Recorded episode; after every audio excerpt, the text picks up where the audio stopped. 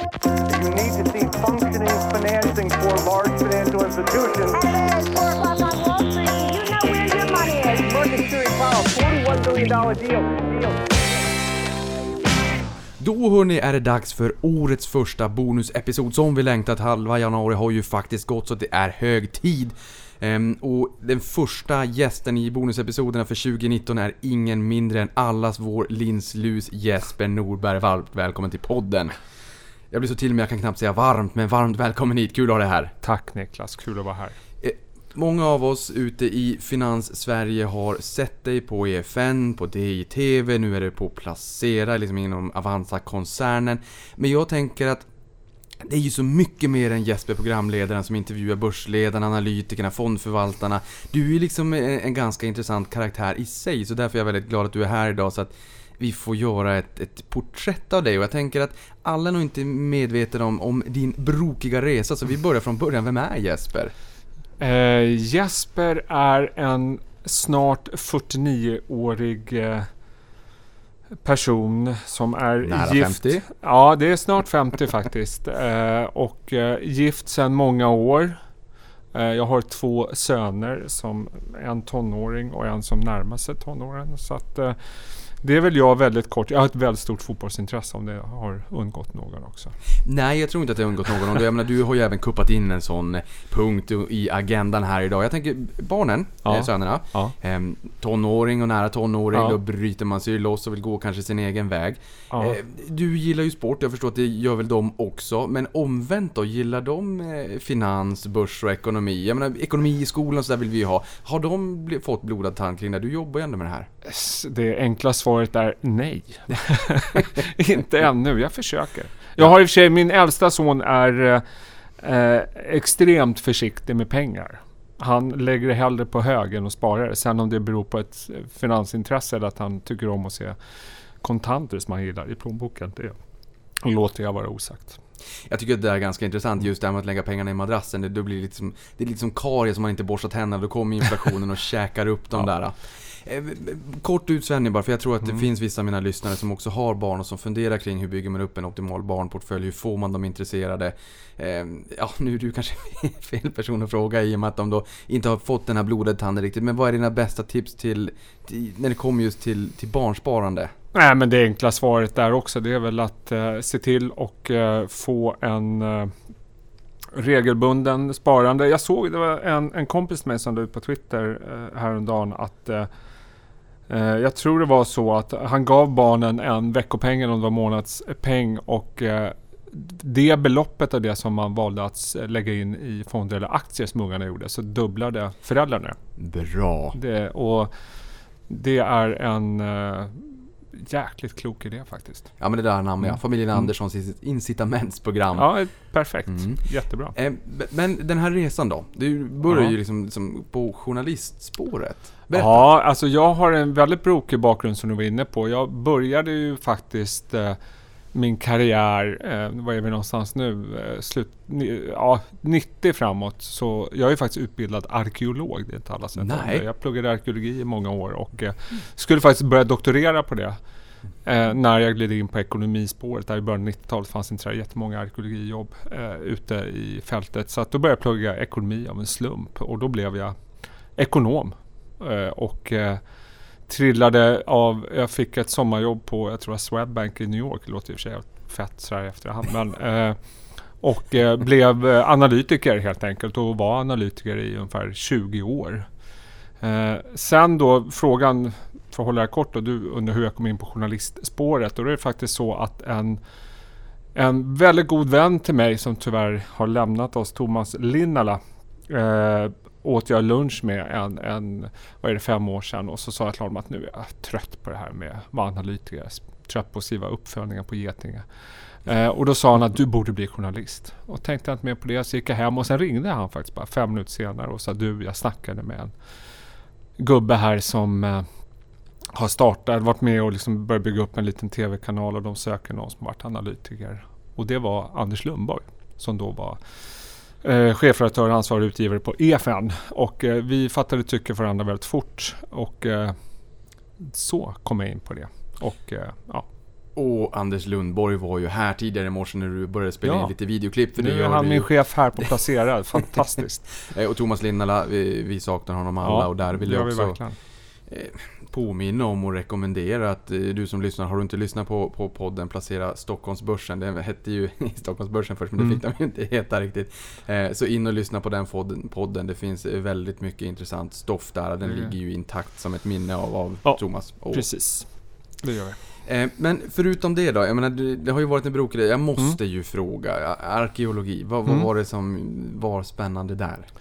Eh, ja, jag växte upp med Indiana Jones så att jag svarar som de flesta arkeologer av min generation att det var det som lockade. Sen var det väl kanske inte riktigt eh, sån arkeologi jag höll på med. Jag letade efter flinta i Skåne så det var ganska långt från eh, smältande nazister och sånt där som han höll på med. Men, eh, nej, men det har alltid funnits ett väldigt stort historieintresse hos mig och eh, ja, kul. Eh, Får jag bara fråga, Mm. tror du på att mänskligheten bara har funnits i 10 000 år? Det verkar tänkas vara när vi hittar så mycket nya fynd som tyder på att Nej, vi funnits så mycket inte. längre än så. Ja, det är klart. Eller du- säger jag, men det tror jag absolut. Har, har du läst Erich von Dernikens böcker från 70-talet? Nej, jag Nej. har inte gjort det. Fantastiskt Ja. intressanta, de är svåra att få tag på, de ges inte ut längre. Jag hittade en på Tradera. Nåväl, ehm, du har ju varit analytiker. Mm. Vad är den stora skillnaden tror du på att vara analytiker idag i förhållande när du började? Jag menar, du började 90-tal, det har varit liksom Mm. finans och fastighetskris, vi har haft ITH, sen vi har haft finanskris. Jag tror den stora skillnaden eh, om man ser på yrket analytiker har ju nästan blivit nu kommer jag säkert få massa arga mejl från andra att det blivit lite mer ett tjänstemannayrke. Det var ju på den tiden var det ju för det första var information inte tillgängligt så att eh, nästan varje analys blev väldigt unik. Eh, vilket gjorde att man kunde röra kurser på ett annat sätt om man nu var ute efter det. Och, och, eh, allt var unikt som man kom med. Nu, nu har ju alla inf- all information hela tiden vilket gör det väldigt svårt att sticka ut. Eh, de har mycket mer compliance, mycket mer regler som gör att eh, man inte riktigt kan säga och göra vad som helst. Så att, eh, det, det är en stor skillnad i hur man jobbade som analytiker då jämfört med idag. Eh, Och jag tänker mig så här, just finansbranschen, och det kanske jag också tyckte när jag var på storbank, att jag gillade det här eh, finansiella hantverket, men Mm. mer och mer strömlinjeformades ju och Mm. stöptes ju utifrån att banken ville att det skulle vara färdiga produkter kunden skulle ha innan man ens hade hört kunden öppna munnen så att säga. Ja. Eh, känner du, hade du gjort om samma resa på analytikerspåret idag om, om det hade varit dagens förutsättningar? Nej. Nej. Det hade jag inte gjort. Sen vet ju jag också att du har ju faktiskt inte bara varit analytiker va? Utan du har väl även varit fondförvaltare? Ja, en kort period så var jag faktiskt förvaltare. Eh, men eh, insåg ganska snabbt att jag passade bättre att vara på sell-side, det vill säga som analytiker på säljsidan för att jag tyckte, jag gillar entreprenörsandan och jag upplever det som mycket mer entreprenörsandan. Man letar nya grejer hela tiden. Jag tyckte att miljön passade mig mycket bättre. För någonting jag tänker på när det kommer till fonder det är ju att jaha, skulle jag vara då fondförvaltare? Ja, alltså vi, vi har ju lärt oss att man ska köpa billigt och sälja dyrt. Sen är det ju alltid utmanande att veta vad, när det är billigt och dyrt, självfallet. Det är ju inte som, som rea på NK, då vet vi, vi har en liksom ganska bra uppfattning om vad kläder och allt sånt där möjligt kostar. Inte lika på börsen. Men likväl, som när det flödar in pengar, inte minst med den eh, pacificeringen och eh, indexeringen som har skett på senare tider, flödar in en massa pengar, då blir man nettoköpare. Och sen så flödar det ut en massa pengar och folk trycker i panik på säljknappen och då Mm. måste man skala fast det kanske är då man vill köpa. Eh, Vad låg det i fatet som eh, grus i skon för dig när du var förvaltare? Liksom, kan en förvaltare, nu är det svårt att raljera, men kan man till 100% i en dagligt handlad fond liksom leva som man lär? Alltså, blir, man, blir man bakbunden eller går det ändå?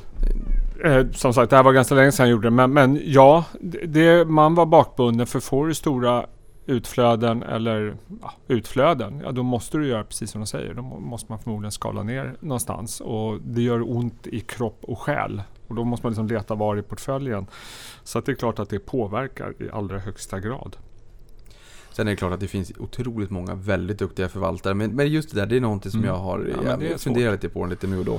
Kan du tänka dig att vara i höstas eller när det är börsturbulens liksom. Då, då tvingas, och det kan ju föda ytterligare nedgång givetvis. Ja, och det är just det där, det såg vi även under finanskrisen Mm. självfallet. Och även eh, just här tänker jag småbolagsfonder och att småbolagen Mm. kanske har lite sämre likviditet och om det då blir riktigt, eh, riktigt jobbigt på marknaden och att likviditeten kanske försvinner om man tvingas skala, då kan det bli väldigt jobbigt. Ja, men så är det. Och det var just en småbolagsfond som jag jobbade med då. Ja, det var det. Mm. Oh, småbolag, det kan Mm. vi gå in på lite mer också. Det är Ja. många som tycker det är spännande. Vad, vad, vad, får ditt hjärta, eller då under den tiden, men även nu.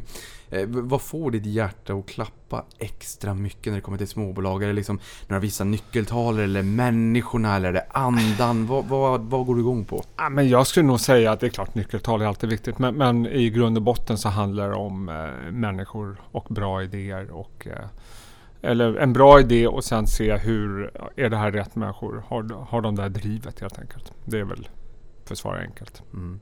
Jag tänker också under tiden som analytiker, Mm. så jag vet att du säkert sitter på väldigt mycket anekdoter. Mm. Ehm, kan du inte berätta några anekdoter? Eller liksom, Nej, men alltså den stora anekdoten är ju givetvis både tragisk men minnesvärd. Det är ju faktiskt, jag var ju med på HQ eh, och eh, jobbade där i många år och var med i princip och stängde dörren för analysavdelningen. Och eh, hela det halvåret från HQ gick ut med sina tradingförluster tills vi faktiskt stängde igen. Alltså det rymmer ju, nu har det i och för sig skrivits en del böcker om det, men eh, där finns det ju otroligt många, både tragikomiska, rent tragiska men också eh, så här i efterhand när det har eh, lagt sig, det är ju i och för sig ganska många år sedan, så, så väldigt lärorikt.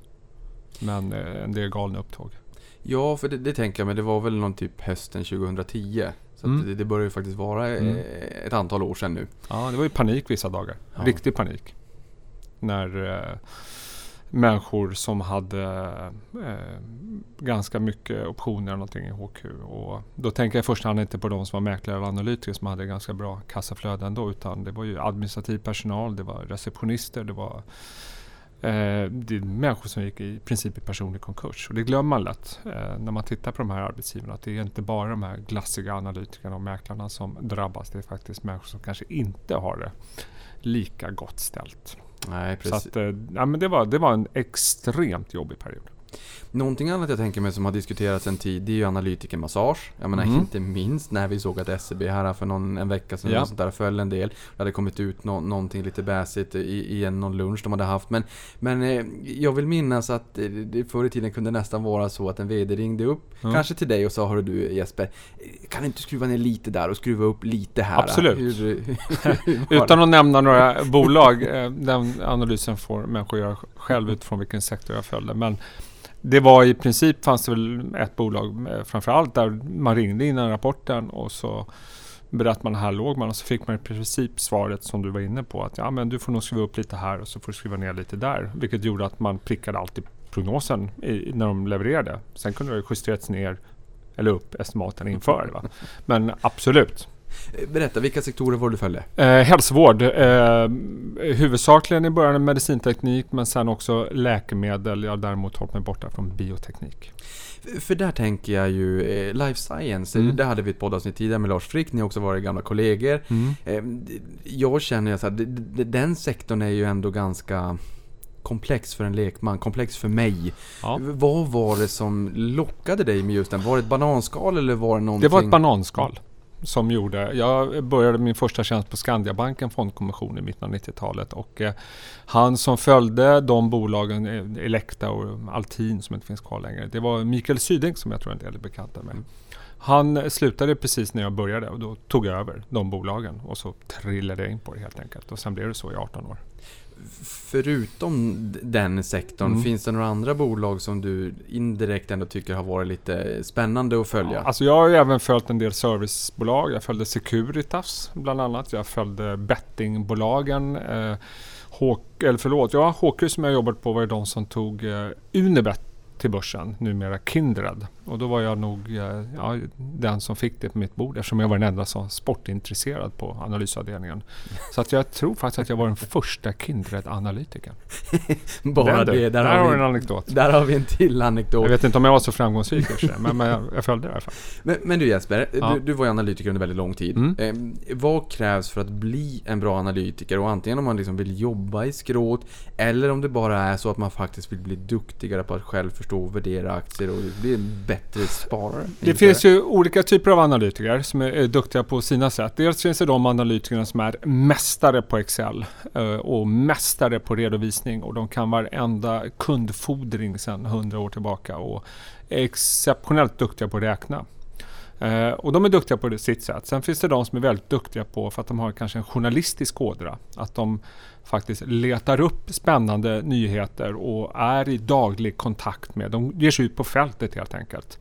Eh, jag skulle nog vilja säga att jag tillhör den, den gruppen analytiker eh, som var bättre på det. Hitta bra stories helt enkelt. För det är ju grund och botten det handlar om när man gör analys. Och komplettera med Excel. Så att jag skulle säga att de två, jag, jag säger inte att den ena har rätt och den andra har fel. Det är väl mer personlighetsdrag. Eh, jag hade nog inte mått bra om jag bara satt med ett Excel-ark från morgon till kväll. Även om jag tycker det är kul med Excel. Okej, men det här med att att vara ute på fältet är någonting vi också pratade lite grann om innan den här inspelningen drog igång. För att du har ju varit nere i studion här Mm. och, och träffat eh, lite spännande gäster. Eh, och, och där hade det ju varit en del besök både på eh, ett seminarium nere i Köpenhamn bland småbolag, då, en, en årlig sådan. Och även en mässa i USA. Och där, när man åker dit så får man liksom mycket inspiration, Mm. man träffar bolagen, man får det senaste det snackar om, snackas om det. Och det, det är liksom eh, som dag och natt jämfört med Excel-arken. Ja. Kan du liksom utveckla lite mer? Vad får man ut genom att vara på fältet och träffa människorna? Ja, du får prata med människor, du får höra olika åsikter, du får höra, få nya idéer, nya infallsvinklar och så vidare. Och det, det är väl lite grann också varför jag intervjuade just de här två personerna som, som kommer se att placera snart. Det är ju att jag vill ju också att eh, tittaren, det vill säga de som tittar på de programmen som jag är programledare i, får en liten känsla för, liksom, inte bara att Nej, men köp den här aktien för P talet är X, utan också få en känsla för vad, vad är det som händer? Få en liten inblick i den världen och, och därmed också lära sig någonting. Och det funkar ju likadant för en analytiker. Visst, du kan räkna fram fantastiska värderingsmodeller men eh, då kan man missa ganska mycket också. Mm. Ja, jag tycker att det är jätteroligt att du bjuder in den typen av gäster också. För ibland när det är gäster här i podden så brukar jag försöka liksom få fram det här. Du har varit på en investerarresa eller du är ute i Asien eller i, Mm. USA eller vad det än är. Vad har du tagit med dig från den senaste resan? För och då sken, skiner de ofta upp och så berättar de om någonting som kanske inte direkt kopplas till en aktie men indirekt. Och så att man får den här, ja, som grädde på modet, man får helheten på Ja. något sätt. Ja, och det, det blir ju också då igen då, om man tar tittarens perspektiv så antar jag att det är roligare att få den inblicken än att höra en femte gäst som säger att Dometics P tal är lågt. Om man ska hårdra det. Ja, Jag vet inte om det är ett vuxenpoäng, men jag börjar mer och mer gilla när man kan sätta det i en spännande kontext och bygga upp ett case. Bara liksom, det- här, de här, de här drivarna tror vi faktiskt Mm. kommer vara positivt för bolaget framåt. Och inte bara det släpande eller framåtblickande P talet eller vad den värderas till just nu. Det är, exakt. det är en kompletterande uppgift, men man vill ju höra en bra story. Ja. Eh, någonting annat jag tänker på, det är 2018, Mm. de, de böckerna stängde vi ju Mm. ganska nyligen. Mm, det var skönt. Väntar vi på. det var Tycker skönt. Mm. Eh, ja, det var ett första negativa året sedan 2015 för OMXS30. Ja, jag tänker mer ur privat perspektiv, men jag Mm. förstår att eh, börsen eh, var ju jävligt jobbig också. På, nu svor jag, kanske man inte får göra den här Det podden. får du absolut göra i den här podden. Du får också sväva ut. Ja.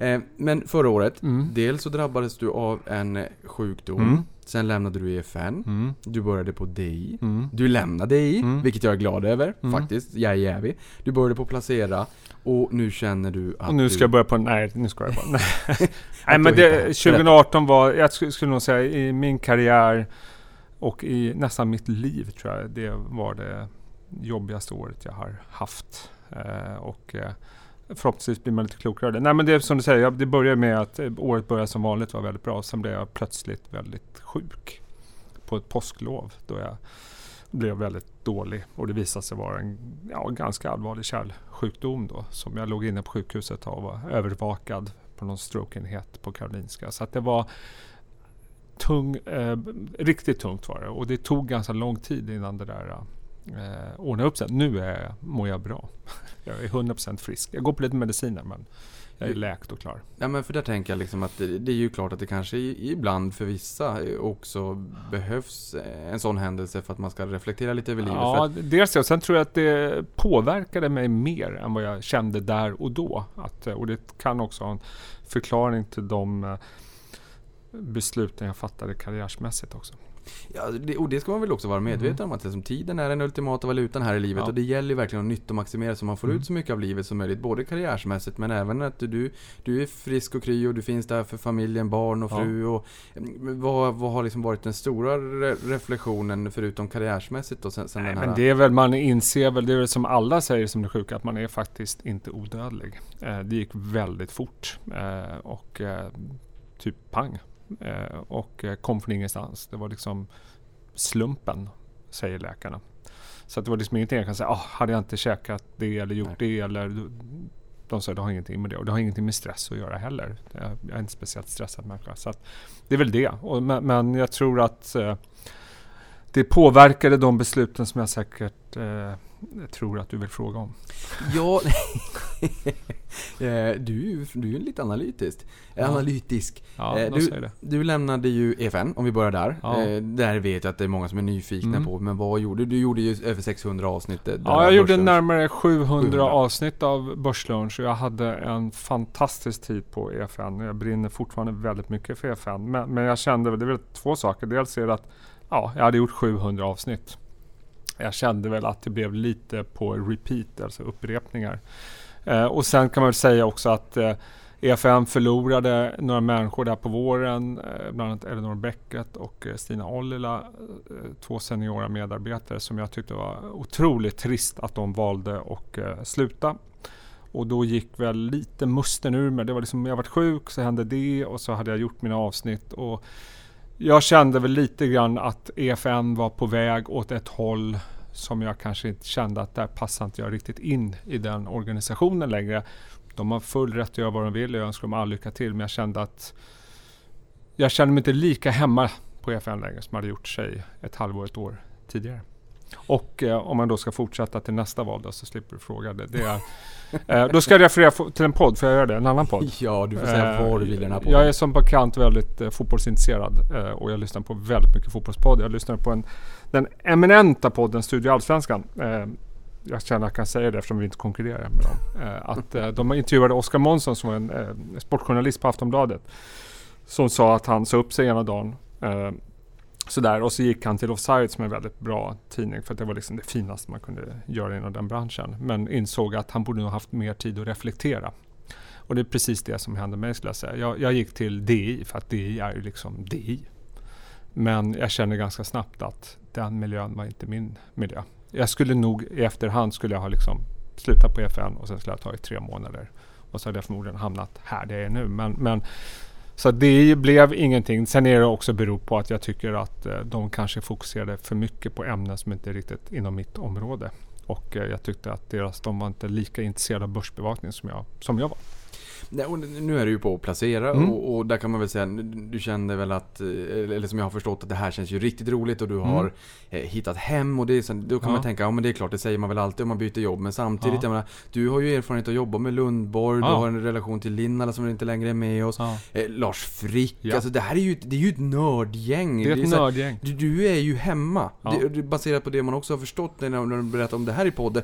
eh, Då tror jag att både jag och lyssnarna förstår att du är hemma. Ja men det kände jag ganska direkt första dagen när jag klev in. Dels så, så har ju Anders Lundborg ett eh, fantastiskt omdöme när det gäller innehåll. Eh, och de som jobbar där är minst lika intresserade som de som tittar och läser på det som Placera gör. Och det är en väldigt god förutsättning. Och vi kommer inte sväva ut. Vi kommer inte börja sända presskonferenser från Rosenbad eller sådana här grejer. För det, det tror jag inte våra tittare förväntar sig att vi ska göra. Utan vi kan bygga våra artiklar och våra tv-sändningar på saker som vi och våra gäster och tittare tycker är intressant.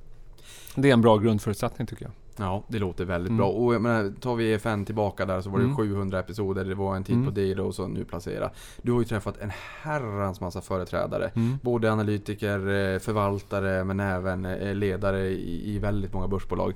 Finns det någon eller några personer du känner, i och med att vi har pratat om människor, som du känner att det här är... Jag fattar att du inte kan säga att det här är en bra investering. Det, det, vi har ju ingen Mm. spåkula, men det här är ändå människor som du hyser en väldigt stor respekt för. Eh, som du vill dela med dig av. Det är klart att det finns eh, eh, väldigt många bra gäster genom åren, men det är klart att det finns de som eh, särskiljer sig. Och det är väl också då, om jag ska göra reklam för Placera, fördelen för oss, eftersom vi inte kommer ha några schemalagda program. Utan vi gör det utifrån intresse så har vi också lyxen att kunna handplocka, kan man säga så? Låter eh, de gäster som vi tycker passar in för Ja, det. lite cherrypicka. Eh, så vi behöver liksom inte fylla en tablå eller fylla ett program som kommer varje dag. Eh, och det är klart att det finns, eh, oj, jag vill inte utesluta någon, men, men det finns, det är klart att det finns, jag tycker killarna på Lancelot, Per Hedberg och, och de är fantastiska.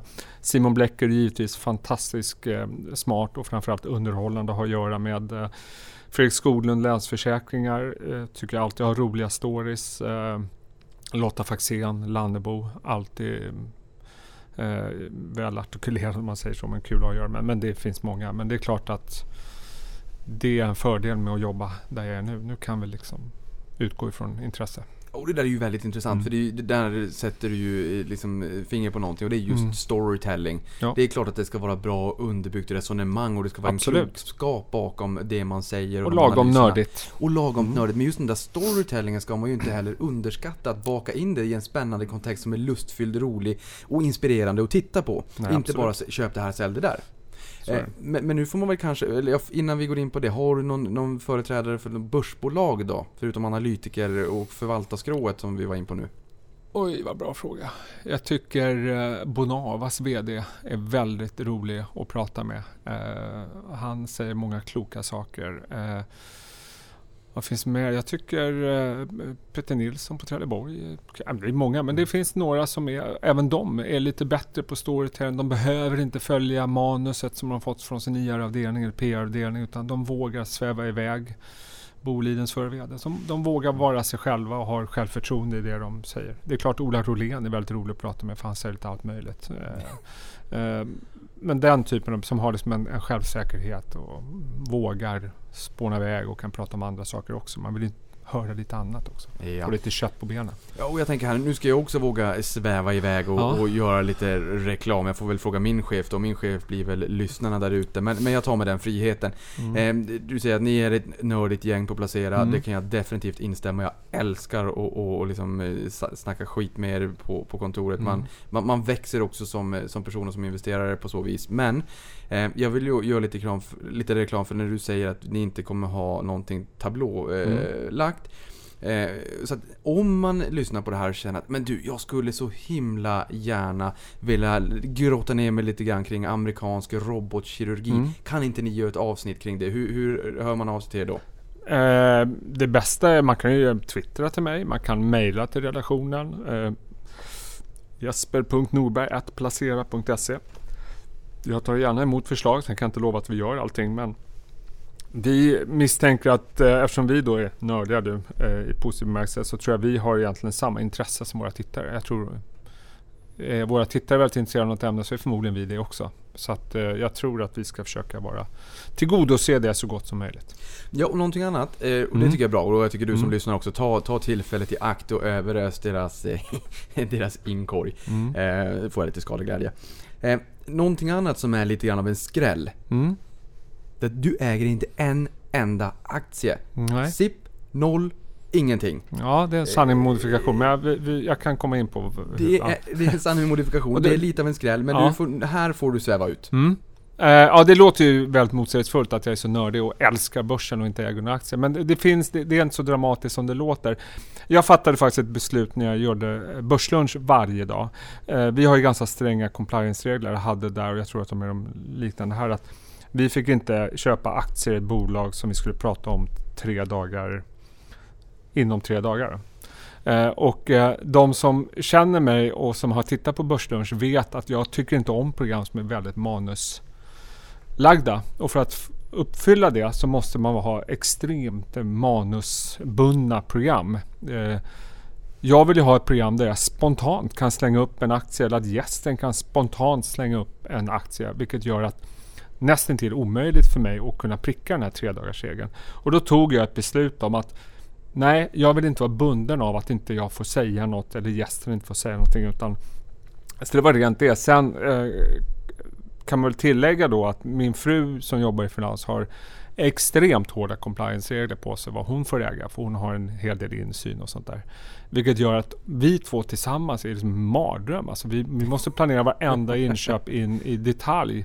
Eh, vilket gör det väldigt svårt. Jag tror att det kan bli lite lättare på att placera för mig att spara i aktier eftersom det inte då är schemalagt och, och det ska jag börja göra. Eh, och sen är det också av personliga skäl att vi har under senaste ett och ett halvt året i hushållet Norberg investerat ganska mycket pengar i eh, boenden och sånt där. För vi vill liksom göra vårt sista, jag är ju trots allt snart 50, den här sista investeringen i vårt boende som har krävt en del. Men självklart så fondsparar vi regelbundet. Jag tror jag hade fått eh, väldigt arga lyssnare. Ja, ja. Om jag nu inte hade ställt frågan att Mm. du sa precis att vi då kanske blir lite enklare, då kanske jag kan börja spara i aktier. Mm. Eh, vilka står bara och väntar på att få trilla in i, i portföljen? Ja, nu när man har stått utanför då ett par år, jag handlade ganska mycket aktier förut, eh, så kanske det känns estimaten är på topp, kanske man inte vill gå all in då, då i, i börsen. Men, men det är klart att jag, jag tycker hälsovård är en bra sektor och det har vi inte minst visat i början av året. varit både stora IPOs och eh, stora företagsaffärer, så uppenbarligen är det en sektor som är intressant. Där- kan jag definitivt eh, tänka mig fler alternativ. Jag tycker eh, en aktie som Academedia inom skola tycker jag är märkligt lågt värderad. Det känns ju inte som den politiska risken kommer öka de närmsta fyra åren. Snarare tvärtom oavsett vad Jonas Sjöstedt säger. Eh, jag eh, tycker det är en intressant sektor. eh, men ja, det är väl någonstans där. Men börsen då? För du, du har ju Ja. sagt själv, du är en permabjörn. Ja. Jag är en permabull. Ja. Eh, och vi ska också komma ihåg... komplement. ja, vi ska komma ihåg att börsens eh, eh, natur, eh, eller liksom normalstadie, det är ju Mm. ändå bull market. Mm. Och bear markets brukar Mm. vara ganska korta, typ en, kom, eller ett och ett halvt år som max, liksom, när det verkligen blir ursköljningar. Nej, så Man vi, ut vi samtidigt. permabjörnar är ju hopplös, eh, hopplösa. Liksom. Permabjörnar är hopplösa, Ja. Isen smälter för er permabjörnar. Vi har rätt någon gång var tionde år. och sådär. Ja. Men, men i, även om så att vinsterna toppar och sådär, Mm. Det, det är klart att då kommer de att falla. Men samtidigt så är värderingen på börsen ganska låg idag. Så att även om vinsterna faller och även om det gör att, eh, att P talen ändå stiger lite grann. Mm. Det, tar inte de två ut lite, varandra lite grann? Och de som, för den som lyssnar nu Det är det alla säger. Och blir orolig nu Ja. när du säger sådär. Mm. Alltså en person som, som är eh, ung och, och sparar liksom löpande varje månad, behöver man ens bry sig om vinsterna viker ner? Nej, alltså om du sparar löpande, vilket är väl grundregeln höll jag på att säga, eh, så, så är det ju en anledning till att man ska spara regelbundet för att slippa de här topparna och dalarna kanske. Men, men vad gäller vinstestimaten så eh, jag, såg en, jag var på en lunch igår där jag såg en kurva på just vinstestimaten i USA som visar att de är på historiskt höga nivåer. Och då ställde den här som jag åt lunch med förvaltaren frågan till mig. Vad kommer bli bättre 2019? Ja, då frågade jag till dig. Vad kommer bli bättre 2019? Som ska få vinstestimaten att eh, i bästa fall gå ner lite grann. Jag, jag vill bara göra en Mhm. liten eh, tillägg här. Att, eh, jag är inte så osäker på att börsen går ner 2019. Det var någon som blev förvånad när jag sa det. Men, men förr eller senare så kommer bolagen att behöva skära ner. Eh, och dessutom så har vi den här, eh, visst räntan är låg, men den är snarare på väg upp än ner. Och eh, jag vill, det blir väldigt intressant att se när de amerikanska bolagen måste refinansiera sina lån under 2019 och framförallt 2020. Kostnaderna kommer att öka. Och nu är det ett klimat i USA som det kanske är lite svårt att säga att man drar ner eh, på personal för då kommer presidenten twittra om det. Eh, men problemet är att ju längre man skjuter det här desto tuffare kommer det bli. Men, men visst, det kan ju hålla, vara bra ett tag till. Liksom. Jag såg någonstans också, Olavi, Jonas Mm. Olavi la ut en graf Mm. över riskpremien på börsen de senaste 20 åren. Ja. Och då såg man ju att eh, risk, riskpremien har egentligen eh, stigit 50% mer eller mindre de Mm. senaste 20 åren. Men så vet vi att den riskfria räntan har ju kollapsat rakt Mm. ner i källan. Men men där hade man ju kunnat tänka sig att eh, om den hade varit ännu lägre riskpremie så hade vi haft ännu högre börs. Så att det är ju inte så att vi någonstans är salongsberusade i en euforisk miljö. Och Nej. vi har ju ändå en börs kopplad till vinsterna. Jag jag tänker, skulle handelskonflikten lösa sig lite grann? Skulle Brexit Mm. lösa sig lite grann? Finns det ändå inte en liten möjlighet på uppsidan att det inte blir så jävligt som vad folk Absolut. tror? Och börsen är ju ändå jättehögt värderad, även om vinsterna faller. Nej, men det håller jag med om att eh, det, det kan säkert, eh, vi kan säkert bocka av en del saker på den här listan och det kommer eh, vara bra för börsen. Eh, vilket å andra sidan då kan få Powell att höja räntan lite mer då nu när han tittar på mer dagsaktuell data. Eh, och då kommer vi ändå få ett problem längre fram när det här ska refinansieras och så vidare. Så att eh, jag säger inte att det är nattsvart och att börsen ska krascha. Det tror jag inte. Jag tror till och med det kan gå upp i år eh, möjligtvis. Men vi skjuter ett problem framför oss hela tiden. Ja, för det tänker jag när media säger så nu kommer lågkonjunkturen, Mm. nu ska du sälja aktier och hit och dit. Börsen föll 17,9% från toppen 29 augusti i fjol. Börsen Ja. är alltid framåtblickande. Kommer Ja. lågkonjunkturen kommer förmodligen redan ha diskonterat in det, för nu säger du en sak att lågkonjunkturen kan tänkas komma och det kan bli sämre, men det behöver inte betyda att börsen faller. Och det är också viktigt för vissa av mina lyssnare att få den förståelsen för att Så behöver det inte vara. Eh, Behöver inte samtidigt vara. så vet vi också att eh, analytiker och bolag är ju snarare en laggande indikator. De brukar vara ganska sena på pucken. Risken finns ju att vi kommer i ett, något kvartal framöver i år eller kanske början nästa år. Då helt plötsligt så kommer då går det väldigt fort. Då kommer vi se nedskärningar. Eh, man ska inte glömma bort att vi ligger på lönsamhet rörelsemarginaler som är på rekordnivåer. Ja. Eh, så att någonstans kommer vi komma dit och risken är att för att undvika en pyspunka som många tror och hoppas vi får, eller får, inte hoppas men så kanske det är bättre att man börjar lätta lite på det där nu så att inte alla gör det på en gång. Man väntar, nu känns det som man väntar på första bolaget som gör det och då kan våga alla haka på på något sätt. Ja, för det där är också intressant. Kort bara. ehm, som gammal analytiker Mm. brukar man ju säga att när man vänder blad, man stänger böckerna för ett år, man liksom, det är ett nytt eh, fräscht Mm. kapitel man ska skriva. Man brukar lite vara, vara lite, lite för optimistisk Ja. kanske i början på året. Är det en bild du delar? Ja, sen vet man ju inte. Nu är det sån annorlunda handel. Hur, mycket av uppgången i år beror på fundamenta? Att eh, förvaltare helt plötsligt bestämmer sig. Hur mycket algoritmer och så vidare. Vi har ingen aning. Eh, jag misstänker att det är ganska mycket den andra varan. Så att eh, det är lite märkligt att någonstans den 31 december, då börjar man på ruta ett. Man ska inte underskatta att vi hade en ganska stor nedgång under andra halvan av 2018. Vi har sett en del biotech har liksom gått som en jojo rätt ner och sen rätt upp igen. Är det fundamenta som styr eller? Ja, jag vet inte. Ja, där kan vi ju säga att hälften av bolagen på S&P 500 i fjol befann sig i björntrend Mm. innan jul och nyår. Alltså ner minst 20% Ja. sen toppen. Så många har ju fallit en hel del. Tiden går fort när man har roligt. Ja. Det finns en fråga som jag vet att du inte vill att vi ska glömma bort och det är ju sport. Ja. Eh, jag är ju sportanalfabet, men eh, AIK, du är ju Ja. AIK-are, det kan ju bli lite jobbigt för vår VD, är ju Ja, djurgårdare. jag vet. är listade på NGM. Vi Ja. har 1294 Fantastisk aktieägare. aktie. Eh, äger du den? Du säger att du inte äger några aktier nästan alls, men äger du den? Det här blir en samvetsfråga. Jag äger AIK Hockey faktiskt. Mm. Eh, Det går inte så bra för dem. Eller ja, nu går det ganska bra faktiskt. Eh, Men eh, jag har ägt AIK Fotboll men gör det inte längre. Eh, Varför vet jag faktiskt inte Och riktigt. det här vill jag veta. När man Ja. är aktieägare i AIK, Ja. eller i Djurgården som gick via Peppens för en tid sedan. Är det, nu är det en retorisk fråga i och för sig, men är det hjärta eller är det hjärna som Hjärta. gör det är hjärta? Ja. Jag, jag, jag har svårt att tänka mig att eh, AIK Fotboll kommer bli en aktie som ägs av väldigt många olika institutioner i Sverige. Jag tror att det är eh, det är nog att önska för mycket. Jesper, Ja. stort tack. Eller har du sagt allt du ville säga om sport? Vill du sväva ut en sekund? Eh, nej, det, det, jag tror jag... Eh, jag mår ju som sagt, jag är frisk och jag är svensk mästare och nej men vi eh, Nej men det var väl det hela. Vi får väl följa upp det här. Jag vet inte, vi fick ju massa Twitterfrågor men jag tror inte vi hinner med dem riktigt kanske. Det Nej. bestämmer du.